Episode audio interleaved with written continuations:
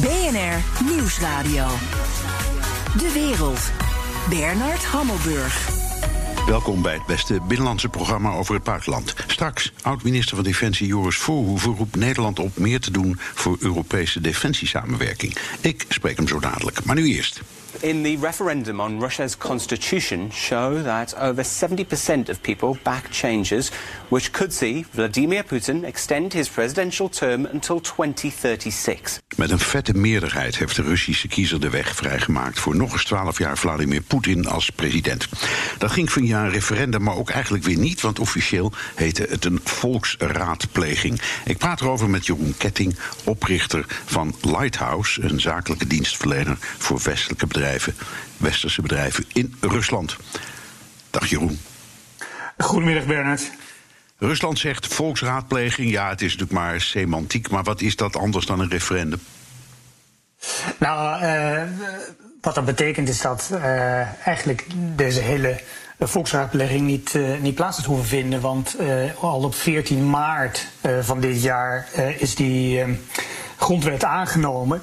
En al maandenlang liggen de boekjes met de nieuwe grondwet in, in, in de boekhandels. En, en dat heeft ook tot veel hilariteit ge, geleid op allerlei social media. Waarbij mensen al met de, de nieuwe grondwet in de handen zich, zich fotografeerden. Ja. Dus uh, ja. Dus het had niet gehoeven, het had niet gehoeven, maar omdat Rusland een superdemocratie is, werd het ook aan het volk voorgelegd.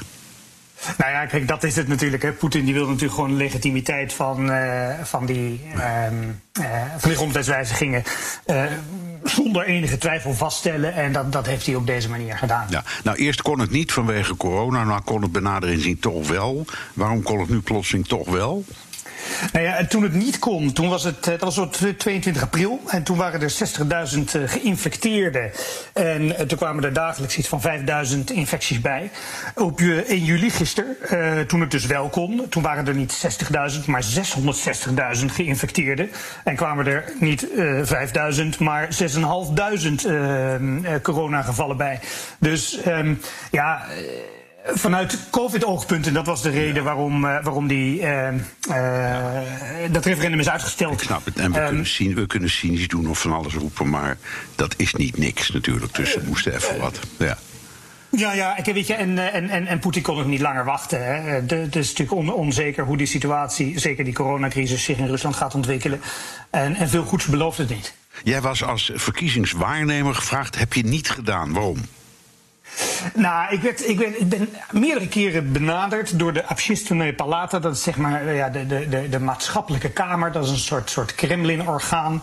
En ehm, ja, die kwamen met een heel vaag verhaal. Ehm, van ja, we hebben westerse eh, waarnemers nodig, eh, maar je krijgt geen officiële titel. Je doet het vanuit op, op eigen naam, ga zo maar door. Dus ja, dat, dat, dat klonk niet goed. Ik heb dat ook bij wat, wat ehm, onafhankelijke journalisten die ik ken, die aan de oppositiekant meedraaien, heb ik dat voorgelegd. En zei van ja, nee, dan moet je je niet vertonen. Nou, en wat ik gisteren ook las, is dat die westerse waarnemers die um, wel rond hebben gelopen op die, op die polling stations, ja, dat waren. Um, Duitsers van de AFD, die ultrarechtse partij, dat waren Italianen van de Liga Norte en dergelijke, die allemaal natuurlijk enorm op, uh, op de hand van het Kremlin zijn en waarschijnlijk ook geld ontvangen van nee, het Kremlin. Ja. Dus ik ben blij dat ik niet in dat rijtje nee. uh, sta in de kranten. Dat lijken mij geen kettingmaten, zo gezegd. nee, absoluut niet. Nee.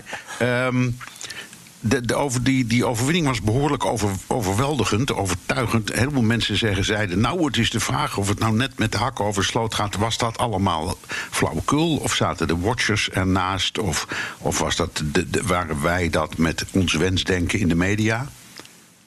Uh, nou, dat waren we wel een beetje met wensdenken in de media. Kijk, als je naar de, uh, naar de bevolking van Rusland kijkt. Hè, Rusland heeft uh, 146 miljoen Russen. Daarvan zijn er 110 miljoen die mogen stemmen. En um, als je dan kijkt naar de hoeveelheid mensen die afhankelijk zijn van um, staatsinkomsten. Hè, dus dat zijn de, de, pensionado's, heb je er 40 miljoen. Uh, werklozen heb je er 4 miljoen. Um, overheidsdienaren heb je er 35 miljoen. Ja, dat zijn dus allemaal mensen die um, uh, afhankelijk zijn van ja, betalingen van de staat. er, zijn maar, maar, er zijn maar 35 miljoen mensen die gewoon, gewoon een, een, normale baan hebben en, en in hun eigen levensonderhoud voorzien. Ja, dus, dus die tientallen miljoenen mensen die ehm, afhankelijk zijn van, uh, van de staat, ja, die gaan gewoon naar de stembus en die stemmen voor Poetin. En die kiezen eieren voor hun geld en geeft ze ongelijk. Um, is het nou echt zo dat die, wat roepen we allemaal ook maar even in ons frame, hij zit daar dan tot 2036. Is dat nou echt zo? Of betekent dat alleen maar dat hij verkiesbaar is nog een paar keer en dat het feit dat hij verkiesbaar is geweest wordt weggepoetst? Dat klopt. Uh, dus ze noemen het een, een, een abnulenie. Dat is een, zeg, een soort van nullificatie. Dus eigenlijk uh, op het uh, monopoliespel sta je weer terug bij af als, als, als president in de, in de, in de positieve zin dan. Dus hij moet nog wel twee keer verkozen worden. Ehm, maar ja, zoals de zaken er nu voor staan, de volgende verkiezingen zullen wat, ja. ik geloof in 2024 zijn. Uh, ja, wordt hij echt wel weer gekozen. heb je weer, heb je weer al die ambtenaren en mensen die gebonden zijn aan, aan de overheid. Dus, dus dat, dat, dat krijg je gewoon weer terug dan. Dat krijg je gewoon weer terug. Hè? Dus wat je ziet is dat van die, van die 110 miljoen kiezers... Ja, zijn er zo'n uh, grofweg 80 miljoen ja, die op de een of andere manier uh, toelagers of salarissen krijgen uit de publieke sector. Ja, dus die, die gaan wel weer naar de stembus. Er stonden 200 dingen in, in die. Uh in, in het referendum, zullen we maar zeggen, referenda ja. over 200 verschillende onderwerpen. Je mag, wat mij betreft, best even er één of twee uitpikken waarvan je zegt. Uh, die vind ik nou echt wel interessant en belangrijk. En daar hebben we het niet over. Maar even één dingetje. hij wordt onschendbaar, begrijp ik. Dus hij kan zijn zakken ja. vullen, massamoord plegen, belasting ontduiken, blowen, fietsen zonder licht. Maakt allemaal niet uit. Hij is onschendbaar. Ja, nee, dus uh, het, het, feest kan beginnen inderdaad. Um, is ook niet zo gek dat hij dat erin heeft willen zetten, want dat is ook de manier um, waarop hij de macht van Yeltsin heeft overgenomen. Dus op het moment dat hij um, uh, eigenlijk eind, uh, wat was het, dat was ergens in 99, hè, ja. Um, uh, aan de macht kwam. Toen heeft hij ook Yeltsin beloofd dat Yeltsin niet aangepakt zou worden. Dus ja, het zit ook gewoon in de, in de, in de mentaliteit. Dus, dus voor, voor Poetin is het heel normaal dat hij onschendbaar is en dat hij een, een levens, als levenslange senator ook um, ja, zijn dagen uit kan zitten. Ja. Waarom wil hij zo lang aan de macht blijven? Hij wordt ook ouder. Um, en ik kan me voorstellen, die denkt, ja, als ik, uh, hij is helemaal afhankelijk van de positie die hij heeft. Zijn rijkdom hangt daarmee samen. Maar toch, dat is nog wel heel lang hoor, wat hij, wat, wat hij, dat pad dat hij nu heeft uitgestippeld. Ja, het grappige is als je naar, eh, naar Poetins eerdere optreden kijkt van, van uh, begin van deze eeuw en nog tot aan 2008 dan, uh, dan heeft hij het er continu over dat mensen afhankelijk worden van macht. Dat, zo, zo zit hij niet in elkaar. Hij zal de constitutie of de, de, de grondwet zeker niet veranderen. Ga zo maar door. Um, ja, kennelijk is hij toch afhankelijk geworden van de macht. Hè. Voor de bühne um, geeft hij aan dat hij wel zijn, zijn presidentschap op zou willen geven. Maar hij ziet geen kandidaten om zich heen. Dus, dus hè, voor, het, voor het volk is het zo van jongens ja, ik ben de enige die dit klusje kan klaren uh, tot 2036. Je hoort, um, je, hoort, ja, je hoort ook vaak, hij is een marionet. Een beetje, wij denken anders dan dat het echt is. Is het zo dat de, de mensen die hem aan de touwtjes houden... het ook liever zo houden? Nou, het is... Het, het, Rusland wordt nu um, geregeerd door, door een soort uh, politiek-economisch machtssysteem. Uh, waarbij je ziet dat de, de FSB, de voormalige KGB, de, de andere machtsministeries, de politiek en de grote bedrijven, ja, die, die, dat, dat houdt elkaar allemaal in evenwicht. Poetin is in dat systeem wel de, de primus inter pares en is wel degene die redelijk autonoom um, ja, kan, kan handelen. Uh, hij heeft ook eigenlijk geen, geen tegenstand vanuit dat systeem. Dus um, uh, marionet is hij zeker niet. En, en als, ook als je kijkt naar analisten die, die, die echte Kremlin-watchers zijn. Hè. Ik ben uiteindelijk zakenman, ik moet gewoon mijn geld verdienen. Ik kan niet dag, dag en nacht naar het Kremlin zitten kijken. Maar die, maar die zeggen dat ook, dat Poetin toch redelijk wat autonome macht heeft. Ja. Hele simpele vraag, Jeroen. Wat heeft hij bereikt en wat betekent het voor ons, wat er allemaal gebeurt?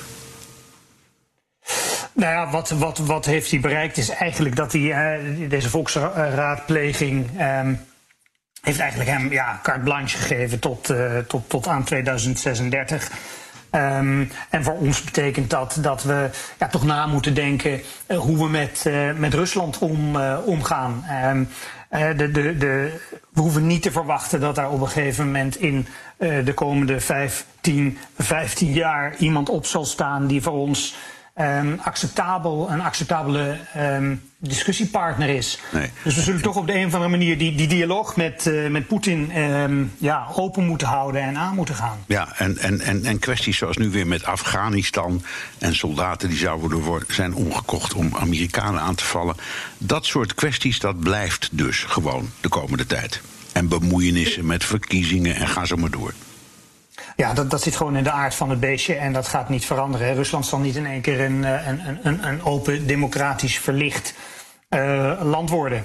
Uh, wat je ook ziet is dat op het moment dat, dat, dat die uh, grondwetswijzigingen zijn voorgesteld. Ja, de Russen die, die letten er meer op dat. Hè, uh, voor hen was belangrijker dat die grondwet zegt dat het, het huwelijk tussen een man en een vrouw moet zijn. Dat uh, nu wordt God in de grondwet genoemd. Uh, Rusland is nog een redelijk um, conservatief um, land. Ja. En uh, dat zal niet in één keer veranderen. Ik, ik denk ook altijd in die, in die, in die 70 jaar. Oh jee. Wie zou, mij zoeken, denk je? In die, uh, in die, in die uh, uh, 70 jaar communisme, 74 jaar communisme, zijn al die dingen ook weggedrukt. Godsdienst en waarden en. Um, nou ja, en, en ik heb de indruk dat ze nog altijd aan het herstellen zijn. En daar dus heel, met heel veel nadruk dat nu juist allemaal weer terug willen. Nou ja, ze zijn natuurlijk in begin jaren 90 met het eenvallen van de Sovjet-Unie zijn ze hun nationale idee verloren. En um, dat komt nu weer terug. En het nationale idee, ja, dat, dat, dat heeft te maken met, kerk, eh, met de kerk. Dat heeft te maken met eh, ja, conservatieve waarden. Um, maar dat zie je niet alleen in Rusland. Hè. Ik denk, als je, in, als je in de Verenigde Staten, in Texas komt... Ja, dan zul je veel mensen uh, vinden die, die op de lijn van, van Poetin en het Kremlin... en de gemiddelde Rus zitten, wat dat betreft. Ja, dat is waar, maar daar is nooit verboden geweest. En in de communisme moest allemaal ja. illegaal. ja. ja. ja. Mijn gast is Jeroen Ketting, oprichter van Lighthouse, een zakelijke dienstverlener verlener voor, de, voor westerse bedrijven in Rusland. The Kremlin has rushed ahead with the vote as soon as Moscow's virus epidemic started to ease. But in reality, outside the capital, in many parts of Russia, it's only now accelerating. Het referendum over de Russische grondwetswijziging vond plaats nu in Moskou de coronacrisis wat afneemt, maar in de rest van het land neemt het aantal besmettingen juist toe. Jeroen, jij, jij zit op, op dit moment in jouw dacha. Wij noemen het een buitenhuis, maar Russen noemen ja. het een dacha. Is dat omdat je onveilig bent vanwege corona? Nou, dat is om e- eigenlijk. Ehm, ja, uiteindelijk wel. Je hebt hier drie maanden heb je echt een lockdown gehad. Ehm, waarbij je dus echt je appartement alleen maar uit mocht als je een, een speciale QR-code kreeg. Nou, en toen ik drie weken in mijn appartement had gezeten in, in het centrum van Moskou zonder naar buiten te komen, toen had ik het wel gezien en toen ben ik naar die Dacia gevlucht. Nou, en nu zit ik er eigenlijk vanuit, ja, toch, toch gezond verstand. Want uh, zowel de burgemeester van Moskou als, uh, als president Poetin die, die hebben al gedeclareerd dat, dat we de coronacrisis in Rusland overwonnen hebben. Maar ja, ik kijk gewoon naar de statistieken die hoogstwaarschijnlijk sowieso al naar beneden toe zijn gemanipuleerd. Um, maar ik zie dat er elke dag nog, nog uh, zo'n 6000 geïnfecteerden bijkomen. Ja. Uh, Rusland staat nu met Brazilië en de Verenigde Staten in de, in de twijfelachtige top 3 van, uh, van coronabesmettingen. Ja, ja, dus ik blijf lekker in het platteland. Ja, ik zit in, in de Verenigde Staten en daar is vannacht voor het eerst de grens van 50.000 in één etmaal doorbroken. Dus kun je nagaan. Dat is Absoluut, echt veel. Ja. ja. Hoe is Rusland economisch geraakt door de pandemie? Want er waren ook weer over, in, wat Amerika betreft, nu hele geruststellende cijfers met een banengroei, wat eigenlijk niemand had verwacht. Hoe is het in Rusland? Nou, in Rusland. Um, die economie van Rusland die ziet er een beetje raar uit. Uh, de 500 grootste bedrijven in, uh, in Rusland die produceren meer dan 80% van het bruto nationaal product. Um, en die grootste bedrijven daarvan zijn de helft uh, staatsbedrijven. Dus die, die, die, die voelen die impact van die coronacrisis niet zozeer. En, en, en zijn in zekere zin ja, een soort van, van, van stabiele kurk waar die economie op drijft. Als je aan de andere kant kijkt naar het MKB, naar het midden- en kleinbedrijf, ja, die hebben toch de afgelopen maanden het, uh, het, het, heel hard voor de kiezer gekregen, inclusief mijn, uh, mijn, mijn eigen bedrijven.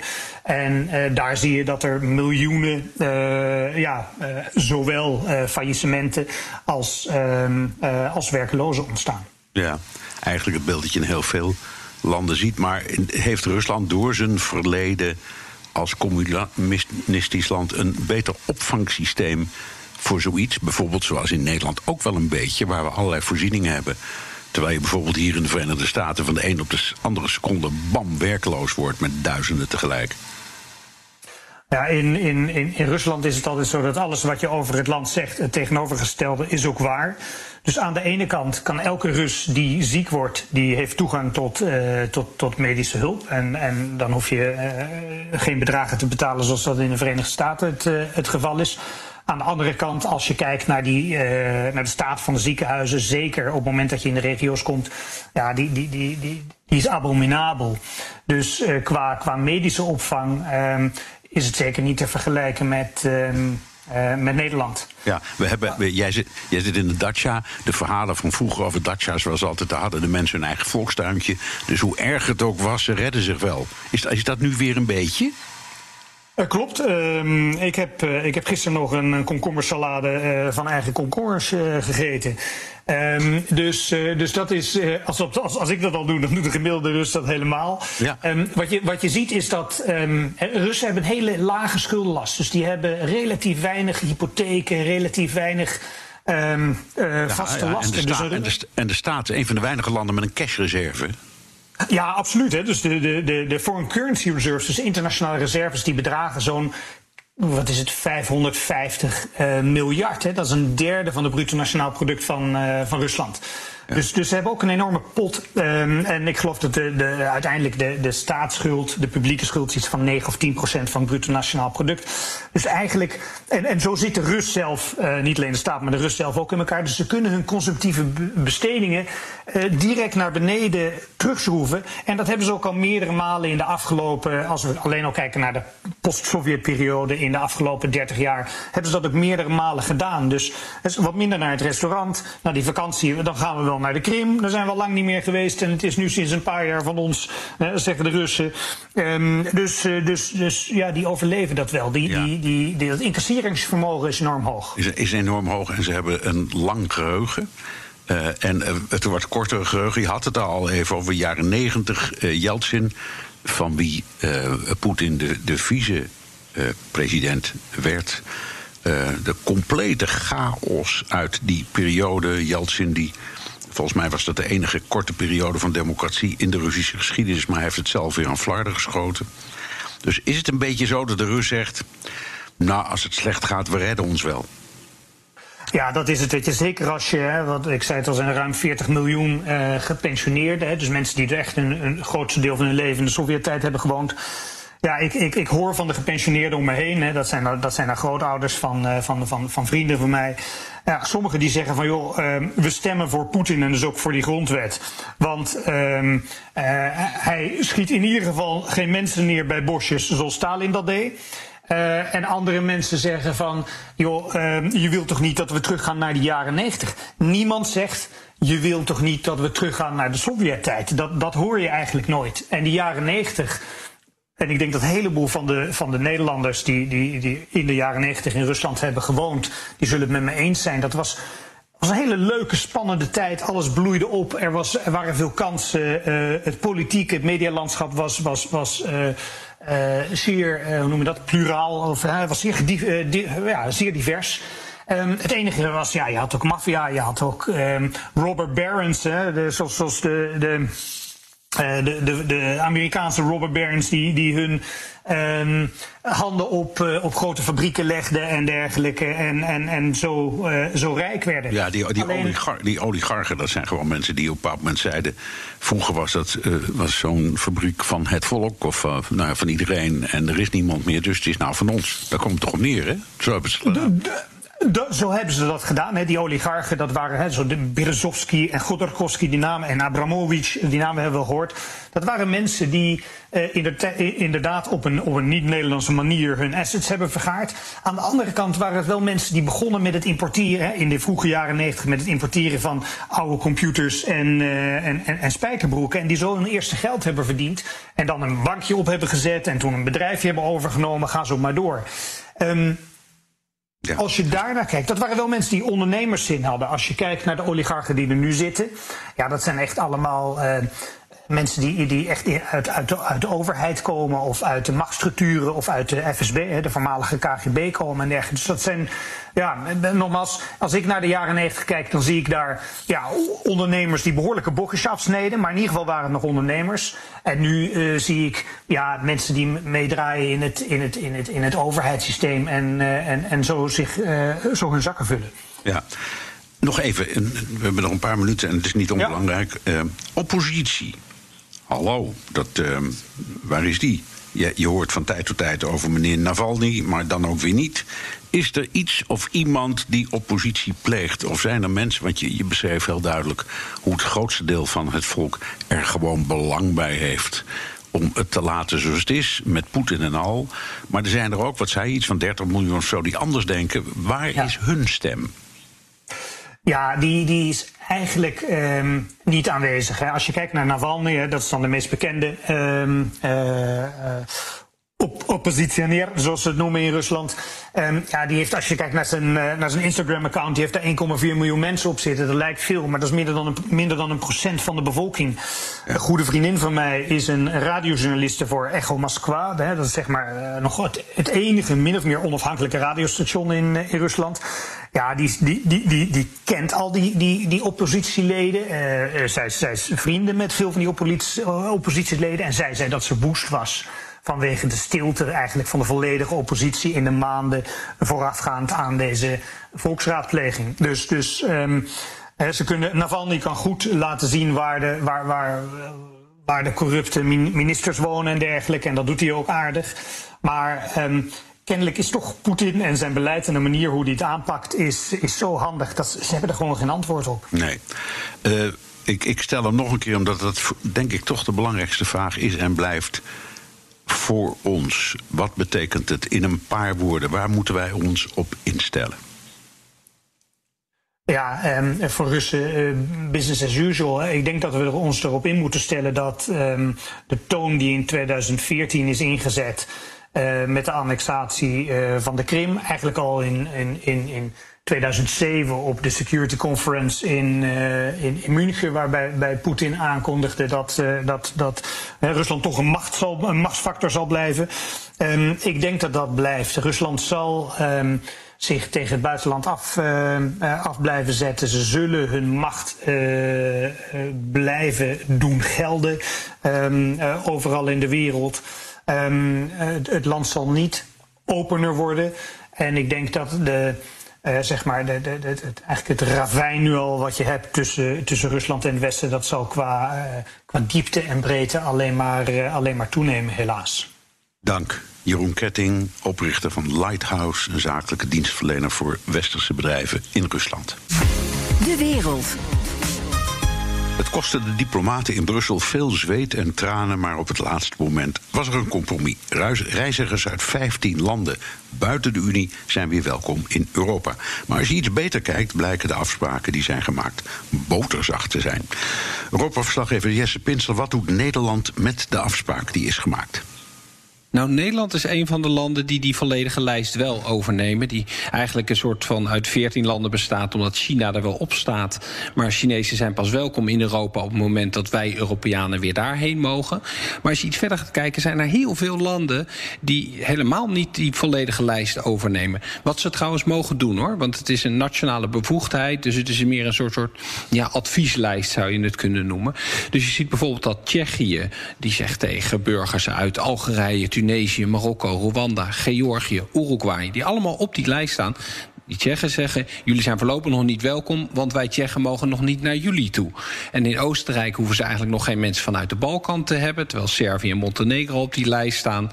Nou ja, goed, tenzij ze dan twee weken in quarantaine willen gaan, eerst dan kan het. Ja, welke andere Europese landen willen nog geen reizigers van buiten de EU toelaten?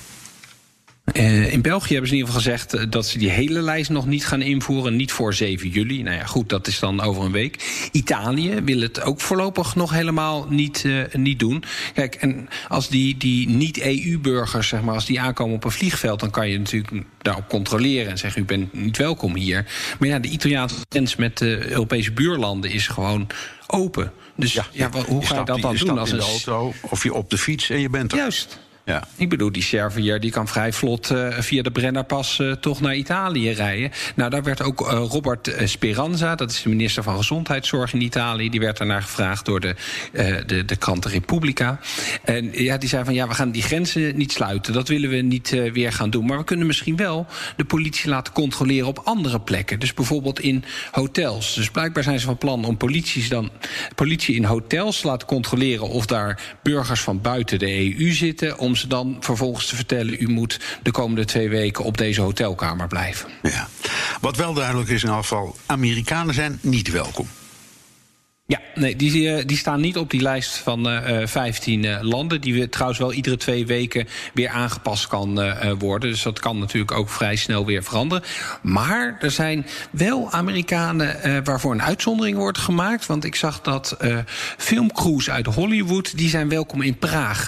Die hebben allemaal hun opnames moeten staken vanwege de coronacrisis. Maar de filmster Orlando Bloom, die kan gewoon weer verder gaan met de opnames van Carnival Row. En er wordt ook een miniserie, The Falcon en The Winter Soldier, wordt in, in Praag opgenomen. Nou, die, die Hollywood cruise, die willen ze toch wel weer graag hebben in Tsjechië.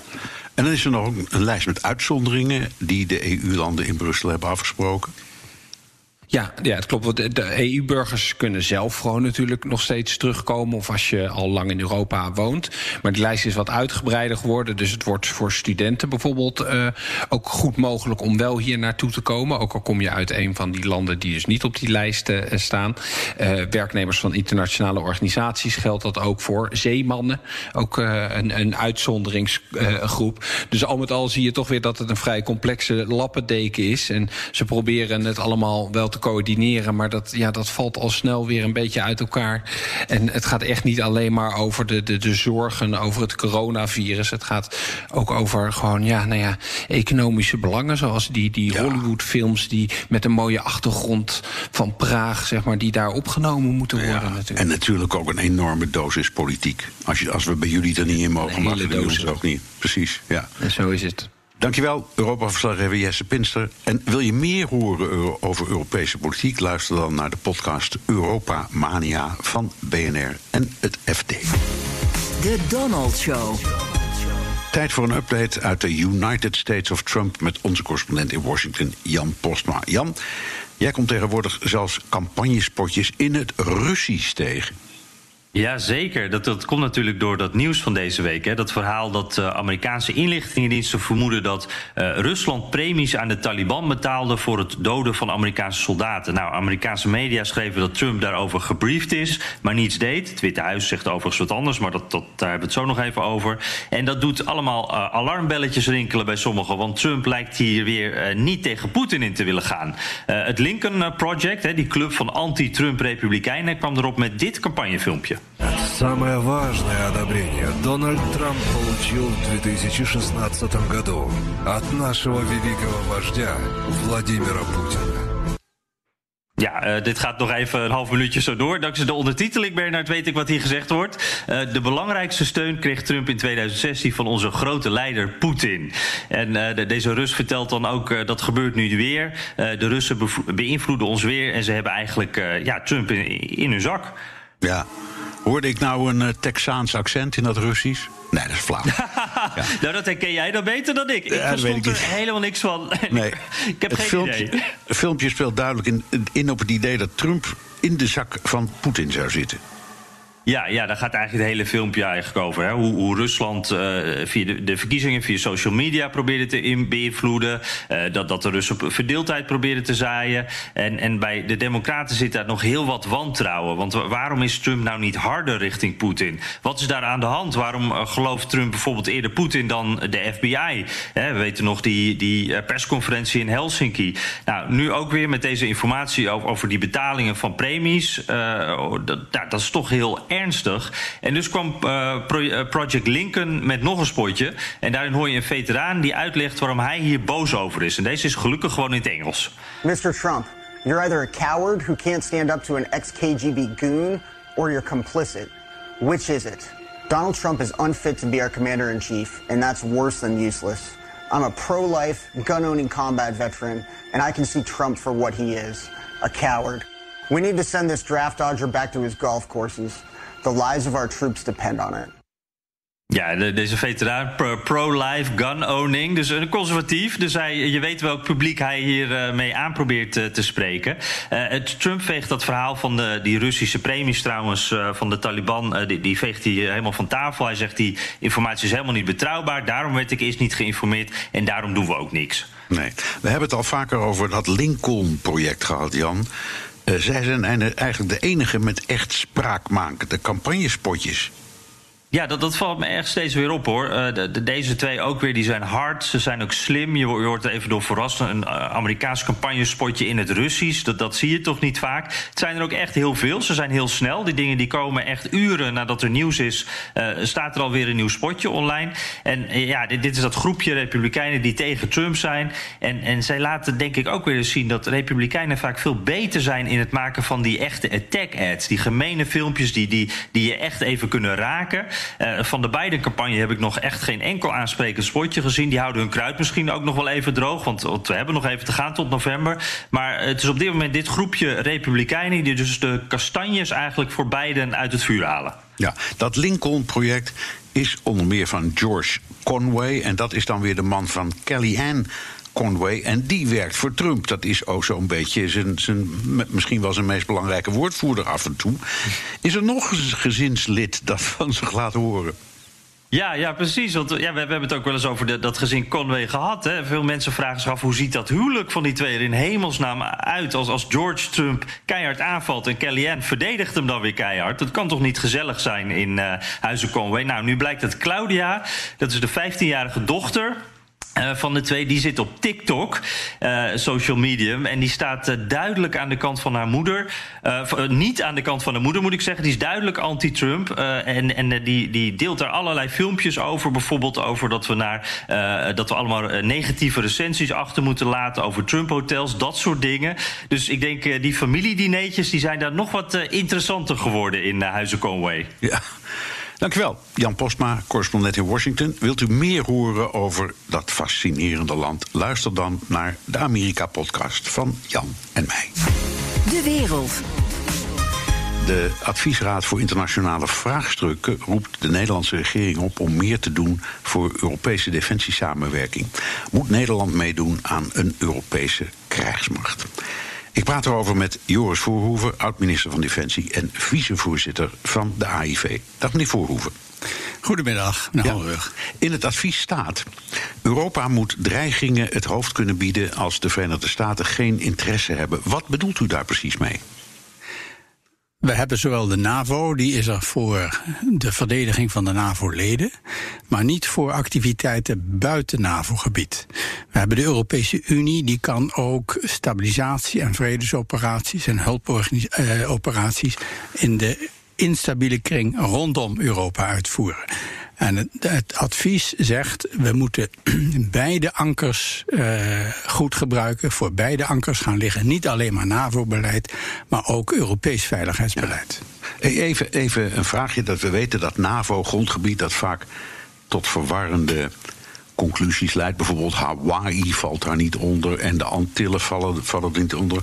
Maar hoe kwam de NAVO dan destijds in 2001 terecht in Afghanistan? Dat is toch ook geen NAVO-gebied? Uh, nee, maar dat is NAVO-samenwerking geweest. Uh, onderling bondgenoten uh, die zeggen elkaar te helpen. de Verenigde Staten vond dat men was aangevallen in, vanuit Afghanistan. En dat leidde tot een discussie in de NAVO: is dit inderdaad NAVO-gebied?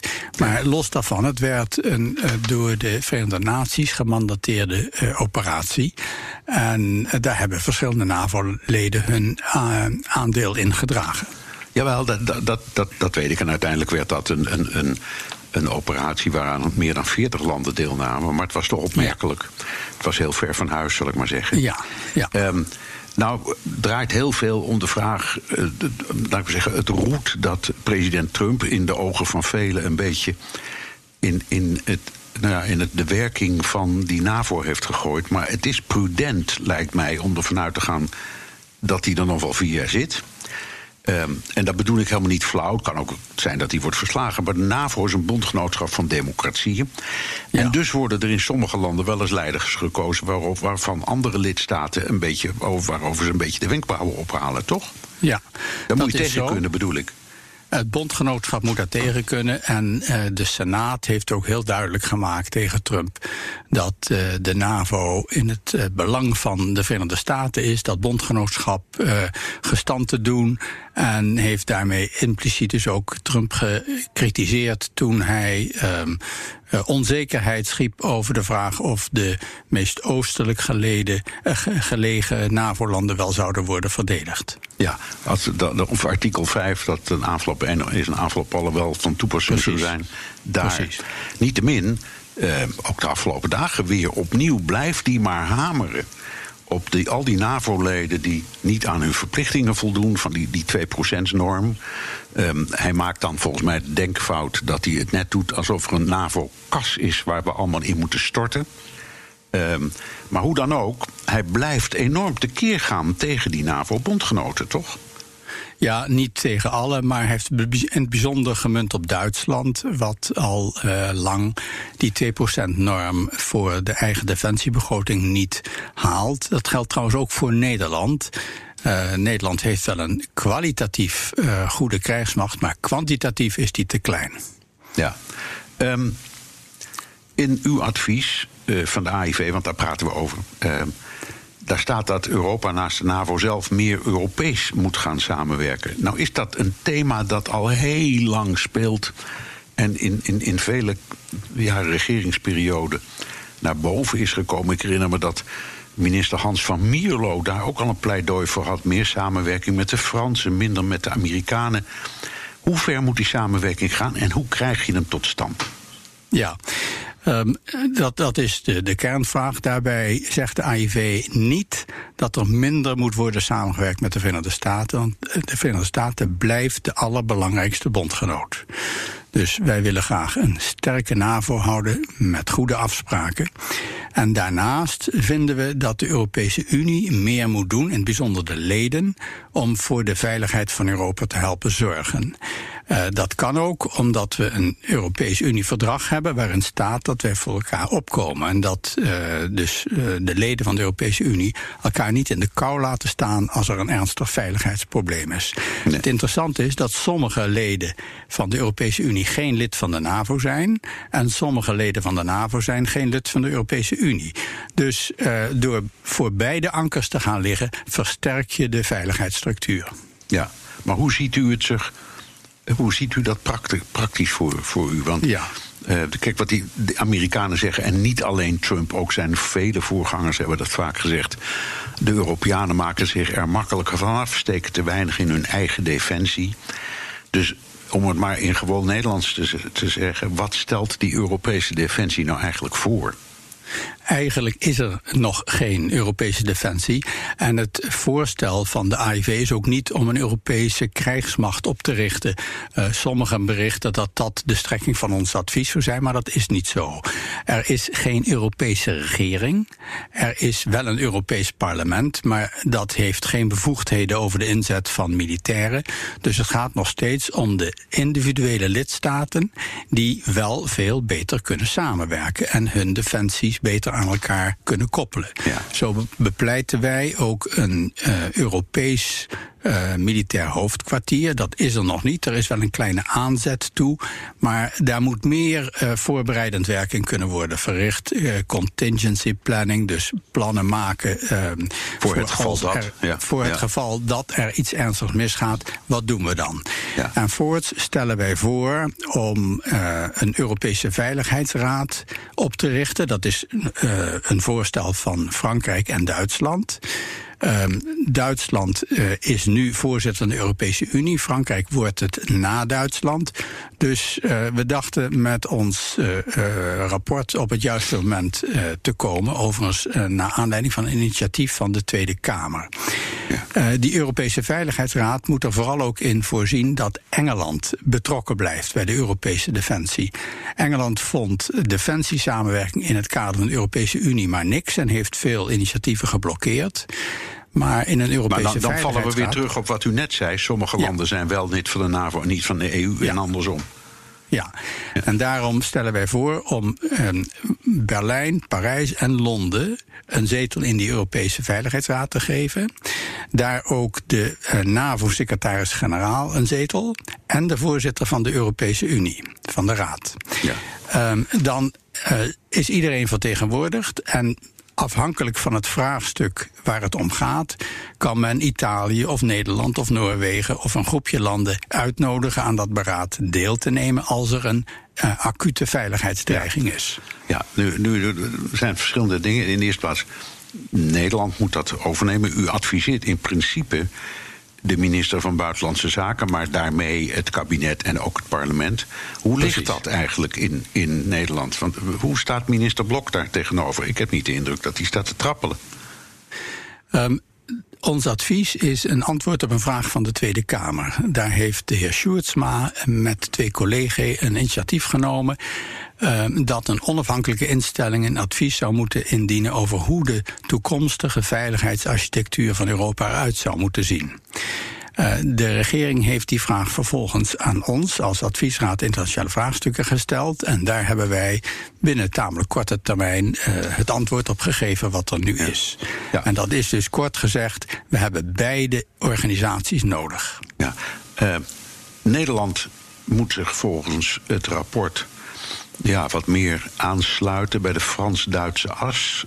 Traditioneel, althans na de Tweede Wereldoorlog, misschien wel het, be- het belangrijkste instrumentarium ehm, in, in de Europese verhoudingen. Frankrijk wil graag een Europees leger. En u zegt ja, dat is niet haalbaar. Dat is er nog niet en dat komt er misschien op zeer lange termijn, maar daar moet heel veel nog voor eh, veranderen. En het is nu geen uitvoerbaar voorstel, want er is niet een Europese regering. En men moet dus aan eh, het juiste eind van de problematiek beginnen. Eh, niet eerst een Europees leger en dan zien of er een, een soort Europese regering komt. Nee, we gaan uit van de werkelijkheid nu. Europese landen kunnen veel beter samenwerken, kunnen ook meer eh, verdedigingskracht eh, putten uit de bestaande begrotingen en moeten een aantal gaten in die begrotingen eh, gaan, gaan dichten. Ja. En eh, Nederland en Duitsland en nog enkele andere landen zitten helemaal achter in de rij van landen wat betreft eh, inspanning voor defensie. Dat eh, moeten eh, de Duitse en Nederlandse en andere regeringen in gaan halen. Ja, nou zegt de regering Rutte en, en, en ook minister Bijleveld, dat willen we ook wel, maar dat kan je niet forceren. Dat, dat duurt een tijdje voordat we naar dat niveau van die 2% komen. Daar hebben ze toch ook een punt. Je kan niet van de ene dag op de andere zeggen, nou boem, we halen het weg bij onderwijs en we stoppen het in defensie. Ja, zo is het. Eh, de regering heeft herhaaldelijk, ook bij monden van premier Rutte, gezegd: wij halen die 2% eh, in 2024. Nou heeft de afgelopen dagen, eh, afgelopen weken, minister Bijleveld geopperd dat dat wel eens langer zou kunnen duren. Maar ik vind dat we er toch vanuit moeten gaan dat die toezeggingen die zijn gedaan door de regering eh, aan de bondgenoten moeten Ja, worden waargemaakt. ondanks de crisis. Dat moet, dat moet, dat moet als Ja. gewoon prioriteit houden, zegt u. Het is natuurlijk zwaarder geworden door de coronacrisis. Maar de coronacrisis treft alle leden van de NAVO. Dus Ja. iedereen heeft dat argument om even eh, niet veel meer te doen dan men al deed. Ja, u- Eh, ja. Eh, dat geldt voor alle leden en voor de Zuid-Europese landen nog veel sterker dan voor landen als Nederland en Duitsland, die naar verhouding heel verstandig eh, beleid hebben gevoerd in de coronacrisis en eh, dus ook ja, veel minder slachtoffers hebben. U, u pleit ook in zo'n Europese defensiesamenwerking met een soort takenverdeling, takenspecialisten. Ja. Nou herinner ik me in de jaren negentig was dat binnen de NAVO een punt. En toen werd het Nederlandse specialisme de luchtmobiele brigade. Daar hebben we zelfs die peperdure Apaches voor aangeschaft. En eigenlijk is dat volgens mij dan weer langzaam verdwenen. Maar waar zou Nederland zich nu op moeten gaan richten? Ehm, het belangrijkste van ons advies is dat de lidstaten met elkaar moeten overleggen over hun lange termijn defensieplannen. We moeten niet allemaal hetzelfde willen. En zorgen dat we gezamenlijk voldoende eh, verdedigingskracht eh, opzetten. Dat betekent Waar zijn, dat wij, waar een- zijn wij goed in? Nederland is relatief, eh, ook door zijn geschiedenis, een marinemogendheid. Nederland heeft samen met Duitsland een legerkorps. Uh, Duitsland is beter op het terrein van met name cavalerie, dus tankdivisies. We werken samen met België op luchtmachtgebied en samen met de Britten bij de mariniers. Dus er is al een heel patroon van goede samenwerking om ons heen. Dat verdient verdere uitwerking. Zeker omdat defensiebeleid lange termijn beleid is. Je maakt plannen voor tien jaar. En dan moet je dus niet alles alleen maar op nationale basis plannen, maar met je buurlanden en bondgenoten overleggen wie gaat wat doen en wat versterken. Dan krijg je ook veel meer voor je investeringen. Ik begrijp, maar dat, het is wel een beetje gebaseerd op, laten we maar zeggen, ad hoc opportunisme of specialisme. Wij hebben toevallig een goede marinehub, laten we dat er maar oppakken. Het is niet zo dat u het omdraait en zegt: dit is wat je nodig zou hebben en wat dus moet worden opgebouwd. U zegt: nee, we kijken naar wat al goed is en dat gebruiken we in dit plan. Nou, uh, het moet van beide kanten komen. U hebt gelijk dat je eerst moet kijken naar wat is er eigenlijk nodig. En ons advies zegt, de NAVO en de EU-landen moeten om de tafel gaan zitten om een inventarisatie te maken van alle denkbare veiligheidsproblemen uh, de komende uh, jaren. En je moet ook altijd een grote post onvoorzien erin opnemen, want de wereld is tamelijk onvoorspelbaar.